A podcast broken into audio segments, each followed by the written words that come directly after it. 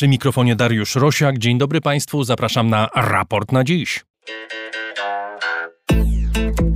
W stolicy Irlandii, Dublinie, doszło do rozruchów ulicznych po tym, jak Irlandczyk algierskiego pochodzenia zaatakował nożem kilka osób w centrum miasta. Troje dzieci i kobieta zostały ciężko ranne. W następstwie wydarzenia doszło do burtu licznych, plądrowania sklepów. Według premiera w zamieszkach wzięło udział około 500 osób. Szef policji uznał, że byli to chuligani kierowani skrajnie prawicową ideologią. Czy w Irlandii istnieje silna, skrajna prawica? I dlaczego przy okazji tych wydarzeń rozgorzała debata na temat ograniczenia migracji w kraju, który przyjął setki tysięcy migrantów? O tym w raporcie na dziś 29 listopada 2023 roku. Raport na dziś to środowa odmiana raportu o stanie świata, programu finansowanego przez słuchaczy.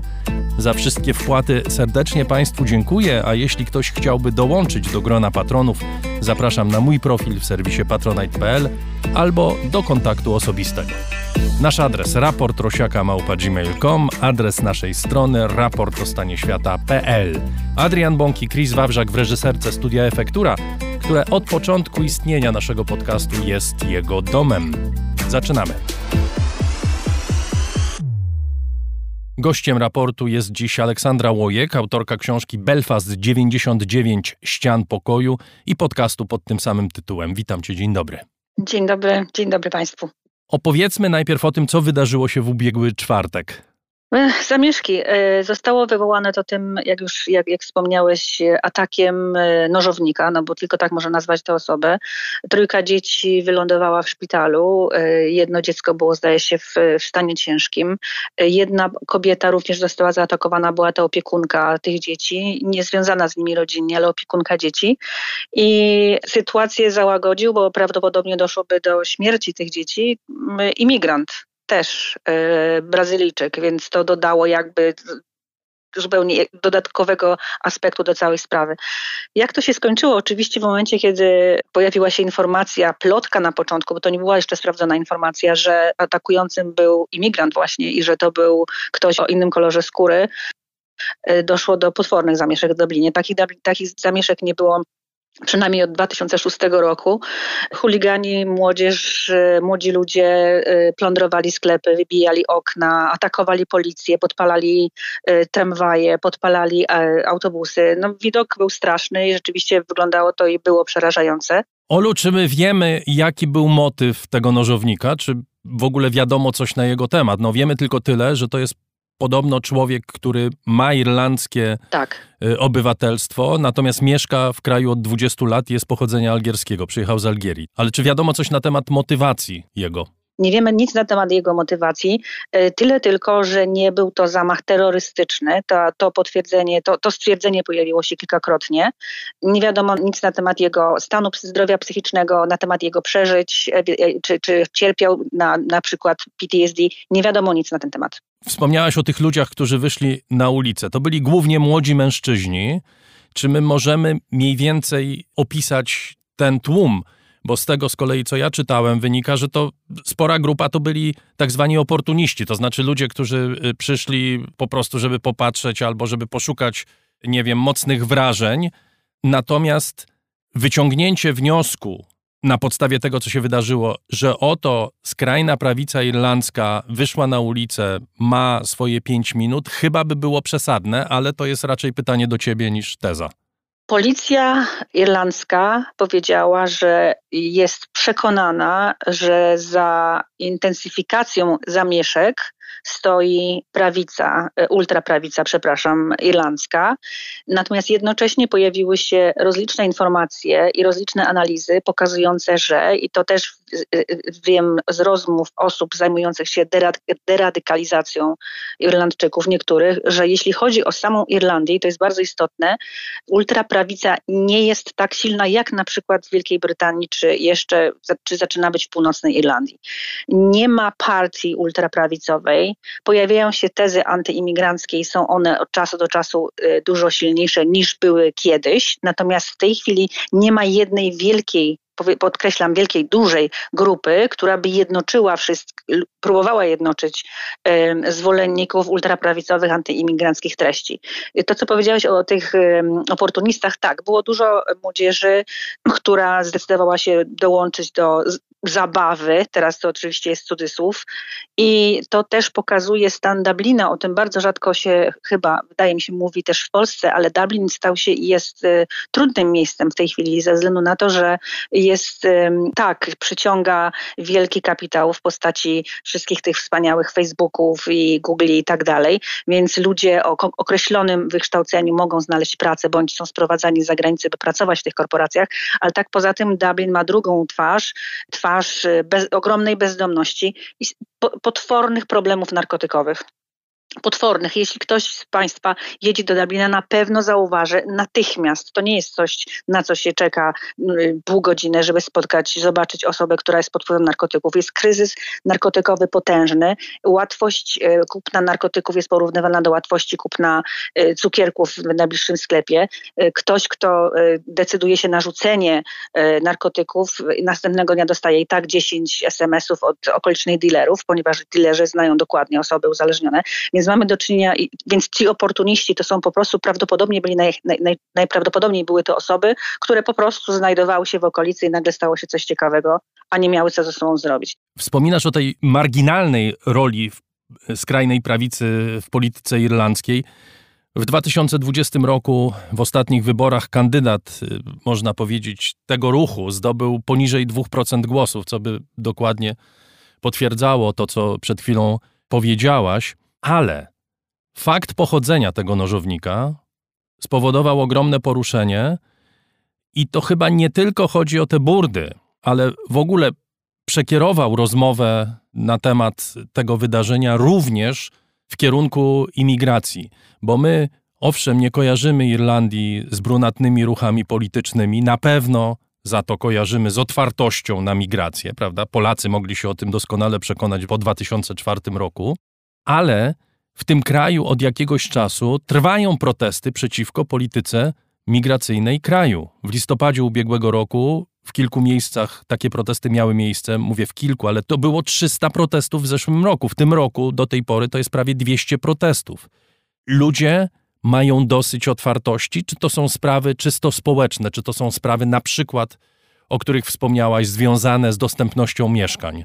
To jest y, najprawdopodobniej rodzaj inżynierii społecznej, dlatego że problem mieszkaniowy jest gigantyczny, a jednocześnie imigranci tych mieszkań nie dostają. Mają dokładnie ten sam problem mieszkaniowy imigranci, którzy przyjeżdżają do Republiki, co lokalni. Jest to kwestia braku mieszkań jakichkolwiek, niemoż niemożności zupełnie wynajęcia mieszkań. Mieszkania są potwornie drogie. Wspomniałeś o tych e, protestach. Tak, było ich dużo, tylko co jest bardzo ważne, to były małe protesty. To były protesty, które przyciągnęły media, oczywiście, jak wiadomo, natomiast nie były to protesty, protesty na skalę taką, która by budziła niepokój. Ale co wywoływało? No bo na przykład protesty wywoływało to, że budowano na przykład ośrodek dla migrantów? Protesty były wywoływane tym, że zajmowano na przykład e, hotele, hostele imigrantami, co zresztą dzieje się teraz też w Wielkiej Brytanii, a turyści muszą szukać sobie nie hoteli, bo nie ma, nie ma hoteli, mówię teraz od poza Dublinem, a Airbnb. Więc to umówmy się, że to są problemy, jak to się tutaj ładnie mówi, pierwszego świata.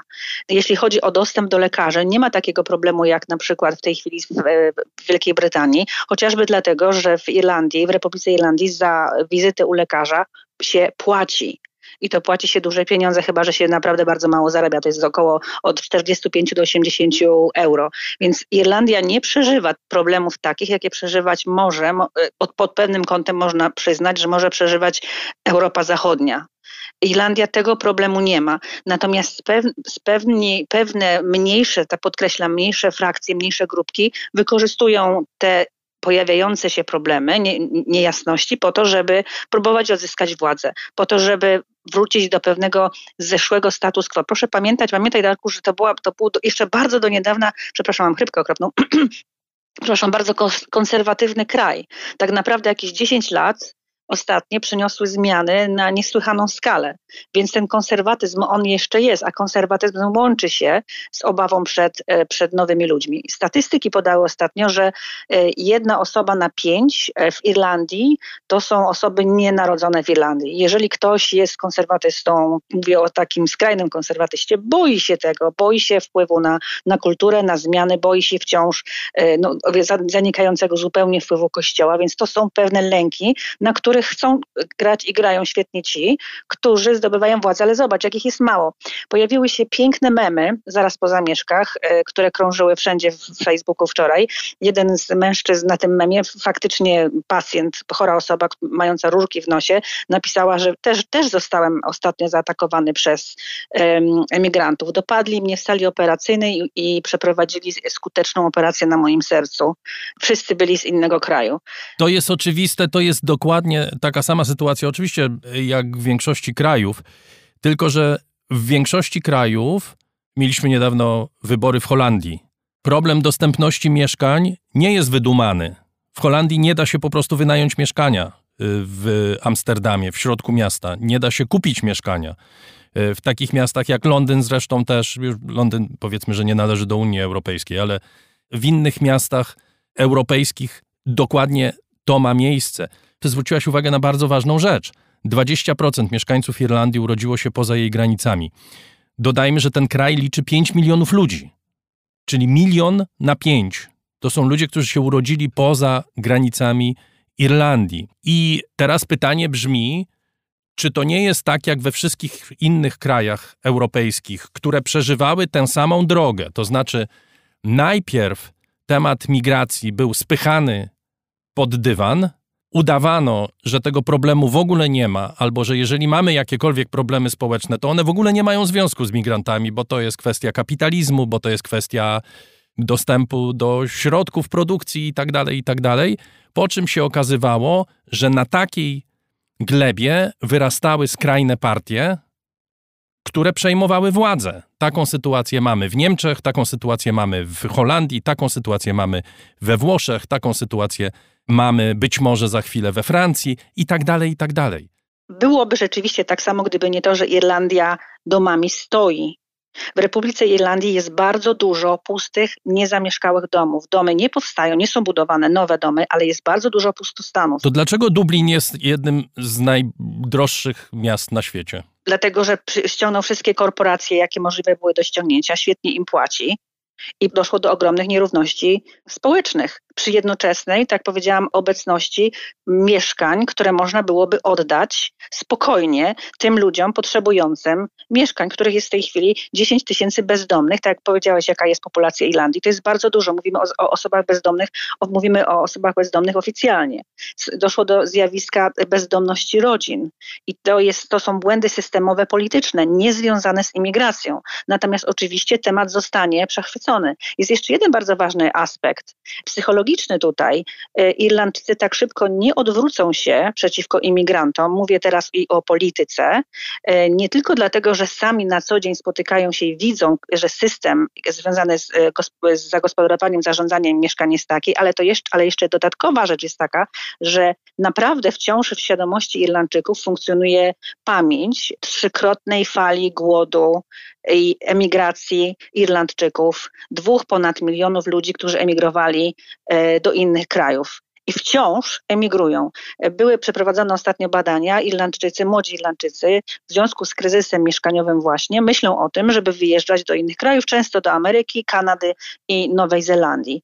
I dla nich emigracja, bycie gdzieś tam jest czymś, co jest naturalną koleją życia. Stąd tak trudno jest wzniecić gniew systemowy, potężny gniew przeciwko imigrantom. To znaczy ta mentalność Irlandczyków się nie zmienia, jak rozumiem, tak? To znaczy to jest ciągle kraj i ludzie, którzy są otwarci i którzy generalnie nie mają problemu z tym, że przyjeżdżają do tego kraju ludzie. Zresztą ja, ja mówiłem o tych poprzednich wyborach. Te statystyki mówią o tym, że dla jednego procenta ludzi temat migracji był ważny w wyborach 2020 roku i to jest rzeczywiście coś, co potwierdzałoby Twoje słowa, no bo w Holandii, w Niemczech, we Francji tak nie jest, czy we Włoszech, prawda? To są tematy, które stoją na proscenium tej sceny politycznej y, w tamtych krajach. Tak, i, i, temat imigracji nie jest tematem żywym. Mimo, że ostatnio była sytuacja, pewnie też Państwo słyszeli, e, Słowak e, zabił dziewczynę, nauczycielkę, która rano wyszła na poranny jogging. To wywołało oczywiście skrajne reakcje, ogromnego przerażenia, zwłaszcza kobiet, ale znowu odczytano to raczej jako wyraz mizoginizmu osoby jakiejś, która przyjechała. Natomiast sam fakt, że to był Słowak, że to była osoba innej nacji, nie, nie budziła znowu tak skrajnych reakcji. Chodziło o, o, o ofiarę, skupiono się na ofierze, o, na tym, że była przestraszona, że co, do czego musiało dojść, co się musiało dziać wcześniej i co oczywiście w ogóle się stało. Natomiast nie mówiono o, o, o, tym y, imigrancie, z czego zrobiono by wielką sprawę, no oczywiście teraz w Wielkiej Brytanii, czy w części Europy, czy, na, czy, czy, no, czy, czy w Polsce. Więc jest, je, jednak to, to jest w, jakiej, w rodzaju świadomości Irlandczyków jeszcze, to może się zmienić, ja nie mówię, że nie, jeszcze jest to myślenie o imigracji, o migrantach, o migracji jako takiej, jako o części życia. I czymś, czego nie należy się specjalnie bać też nie chcę, wiesz, generalizować i powiedzieć, że w ogóle Irlandczycy się nie boją, no bo jednak te zamieszki były i pojawiły się niechętne głosy. Dla mnie wyjątkowo, wyjątkowym szokiem jest widzieć, zwłaszcza, że mieszkam w Irlandii Północnej, gdzie Irlandczycy mieszkający są też bardzo proemigracyjni. Trudno było zobaczyć flagę imigrancką, e, przepraszam, e, flagę irlandzką e, z wręcz nazistowskimi okrzykami, chociaż historia była różna i, i, propagowaniem hasła Irlandia dla Irlandczyków. To już jest gdzieś, ale na, naprawdę skala jest e, ogromnie różna i inna. Czyli nie powinniśmy z tego, co się wydarzyło w ubiegły czwartek i w piątek, bo to tak naprawdę przedłużyło się, to nie powinniśmy wyciągać wniosków, że oto mamy tworzenie czy odrodzenie się, szczerze mówiąc, trudno mówić chyba o odrodzeniu się, bo skrajna prawica nigdy nie była chyba mocna w Irlandii. Tam są różnego rodzaju inne patologie oparte na przemocy, ale nie chyba związane z taką skrajną prawicą, którą kojarzymy, no właśnie choćby z Wielką Brytanią, czy już nie mówiąc o krajach Europy tej kontynentalnej. Czujności nigdy dosyć. E, jest taka organizacja brytyjska, która nazywa się Exit, która e, wspiera osoby e, rezygnujące z uczestnictwa w ruchach skrajnie prawicowych i rozmawiałam z jednym z przedstawicieli tej organizacji i w tej organizacji jest, pojawiło się zmartwienie, że ultraprawica sięga po antyimigracyjną retorykę właśnie w Irlandii, że coś tam się dzieje.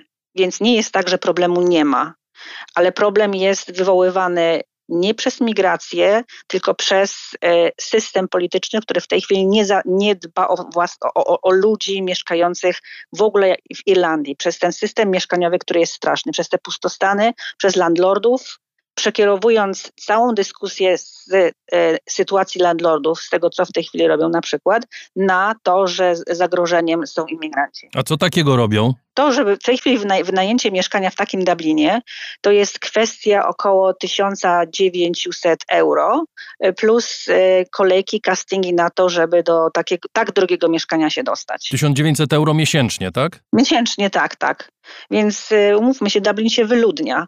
W Dublinie w centrum nie mieszka oczywiście nie tak zwane inner city, jest miejscem, które jest niebezpieczne, dlatego powiedziałam, wystarczy przyjechać do Dublina, wysiąść, żeby zobaczyć, że co się w Dublinie dzieje, jak to miasto się zmienia na niekorzyść. Z tym, że tak, na, tak jak powiedziałam, nie jest to wina imigrantów i to jest coś, co są Irlandczycy świadomi. Nawet premier wydaje się wskazywać, że wina leży gdzie indziej, ale politycy mają taką tendencję, że nawet jeżeli retorycznie Y, gdzieś tam y, wskazują kierunek, to bardzo trudno potem programowo się z tym zmierzyć. Czy w ogóle politycy irlandzcy, a zwłaszcza rząd, mają pomysły na to, jak zaradzić tej sytuacji, bo ona się nie wzięła od wczoraj. Ten problem z brakiem mieszkań w Dublinie, to on nie istnieje od miesiąca czy od ubiegłego roku, kiedy zaczęły się te protesty, tylko to jest kwestia kilku lat ostatnich, prawda? Tak, i to jest bardzo ciekawe. Wiesz, wydaje mi się, że temat nie jest poruszany po prostu, albo jest poruszany bardzo marginalnie. Dlaczego nie mam pojęcia? Też starałam się pod tym kątem zobaczyć, co się, co się pisze, więc y, y, dziennikarze wracają z uporem maniaka do kwestii rozwiązania problemów mieszkaniowych, do wskazywania winnych, do mówienia o tych rozlicznych pustostanach, o tym, jak można naprawdę byłoby poprawić życie y, dziesiątkom tysięcy ludzi. Natomiast na ten temat politycy nie mówią w tej chwili nic. Czemu widocznie jest to może kwestia wielkich pieniędzy, może y, są jakieś interesy, które y, wpływają na to, że, że sytuacji nie można tak rozwiązać. Może jest jakiś rodzaj korupcji, tego nie wiem. To, to jest coś, co na, na, na pewno warto się, czemu bardzo, warto się przyjrzeć. A może to jest kwestia tego, że mamy do czynienia z pewnym spięciem, które jest charakterystyczne dla Irlandii. Ty mówiłaś o wprowadzeniu e, korporacji. Korporacje, które z, bardzo zmieniły i rynek mieszkaniowy, i w ogóle chyba styl życia społecznego w Irlandii, i to jest cena, którą Irlandczycy za to płacą. Wyrzucenie tych korporacji być może byłoby, czy ograniczenie ich wpływów musiałoby się wiązać e, z tym, że niektóre z nich na przykład by opuściły Irlandię co zmniejszyłoby wpływy do budżetu państwa i tak dalej. W momencie, kiedy powiedzieliśmy A, czyli wpuściliśmy owe korporacje, bardzo trudno się w tej chwili z tego wycofać, nawet jeżeli skutki społeczne tego są y, no, nieoczekiwanie, być może dla polityków złe. Nie sądzę, żeby ktoś miał odwagę, żeby dokonać takiego kroku. Nie sądzę. Wydaje mi się, że łatwiej będzie przerzucać odpowiedzialność na, na właśnie takich migrantów w pewnym momencie, niż zainteresować się tym, co korporacje zrobiły. Tym bardziej, że z kolei ostatnie 20 lat Irlandia przeszła też gwałtowne zmiany. Była bardzo biednym krajem, potem stała się celtyckim tygrysem, potem znowu był krach okropny w 2008 roku, po czym mamy Irlandia jak Feniks odradzający się. Więc y, y, w świadomości społecznej y, ta, takiej znowu jakiejś takiej dziwnej psychologii, ta Irlandia wciąż funkcjonuje jako kraj stosunkowo bogaty, a ten kraj, który się znowu odrodził, a on bogaty już nie jest. I wydaje się, że politycy unikają tematu, tak jakby unikali tego, żeby przyznać się, że Irlandia znowu idzie w stronę kryzysu. Bardzo dziękuję. Aleksandra Łojek, autorka książki Belfast 99 ścian pokoju i podcastu pod tym samym tytułem była gościem raportu na dziś. Dziękuję Ci bardzo. Dziękuję bardzo. Do usłyszenia. To już prawie wszystko w tym wydaniu raportu na dziś. Zapraszam serdecznie do słuchania naszych programów. Kolejny odcinek opowieści arabskich Jana Natkańskiego o Syrii, dostępny od wczoraj. Listopadowy raport o książkach Agaty Kasprolewicz, tak samo dostępny. W sobotę nasz główny program. Dziękuję Państwu bardzo za to, że jesteście z nami.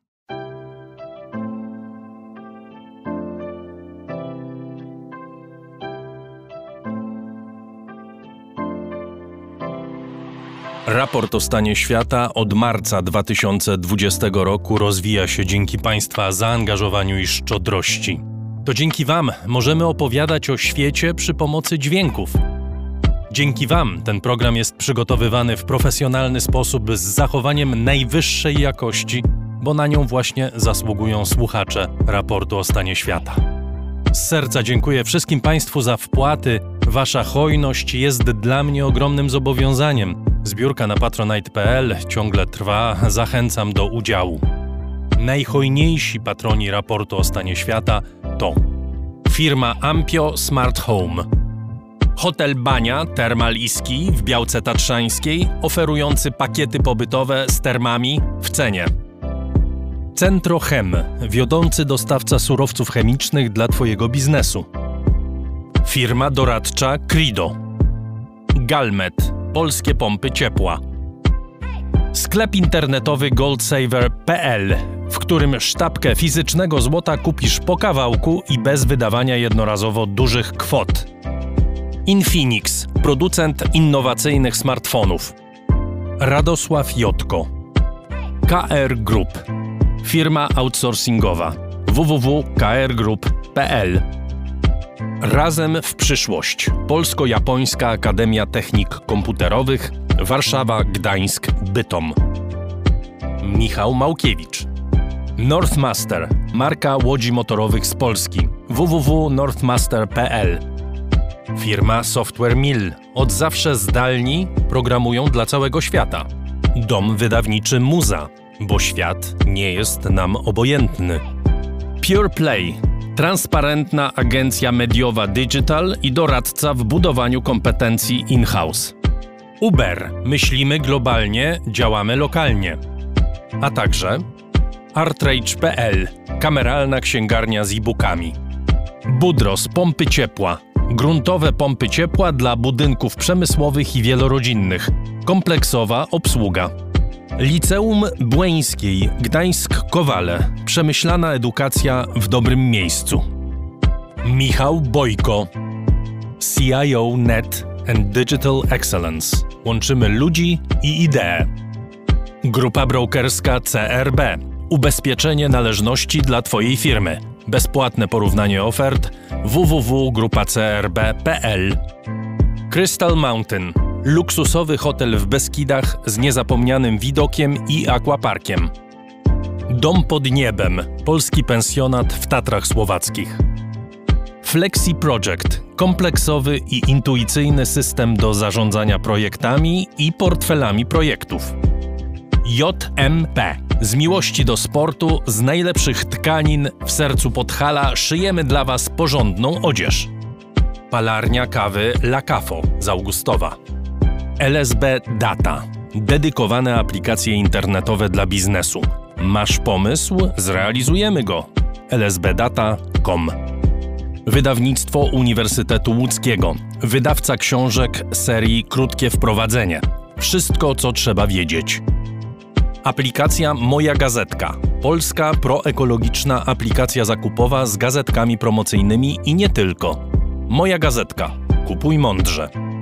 Firma ODO24. Optymalny kosztowo outsourcing ochrony danych osobowych ODO24.pl Firma Prosper z Sosnowca, hurtownia elektroenergetyczna i właściciel marki Czystuś.